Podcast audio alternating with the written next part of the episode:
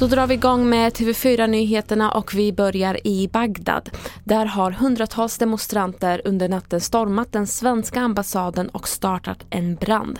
Det rapporterar nyhetsbyrån AFP. Detta ska ha skett med anledning av en planerad koranbränning utanför den irakiska ambassaden i Stockholm senare idag. Ambassadpersonalen ska befinna sig i säkerhet och Iraks utrikesdepartement fördömer nattens händelse och säger att en brådskande utredning ska äga rum.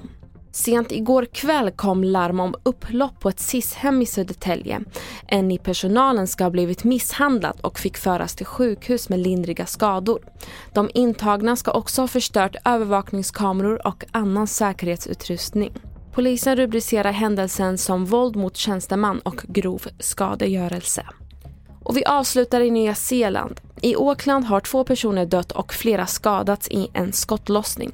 Även en misstänkt skytt, en 24-årig man, har dött.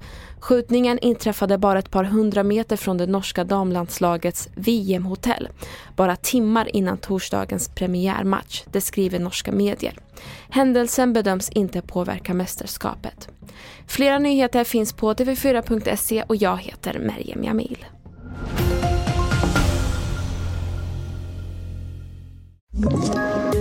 Poddtips från Podplay. I podden Något Kaiko garanterar östgötarna Brutti och jag, Davva, dig en stor dos skratt.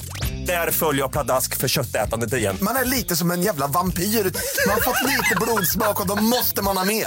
Udda spaningar, fängslande anekdoter och en och annan arg rant.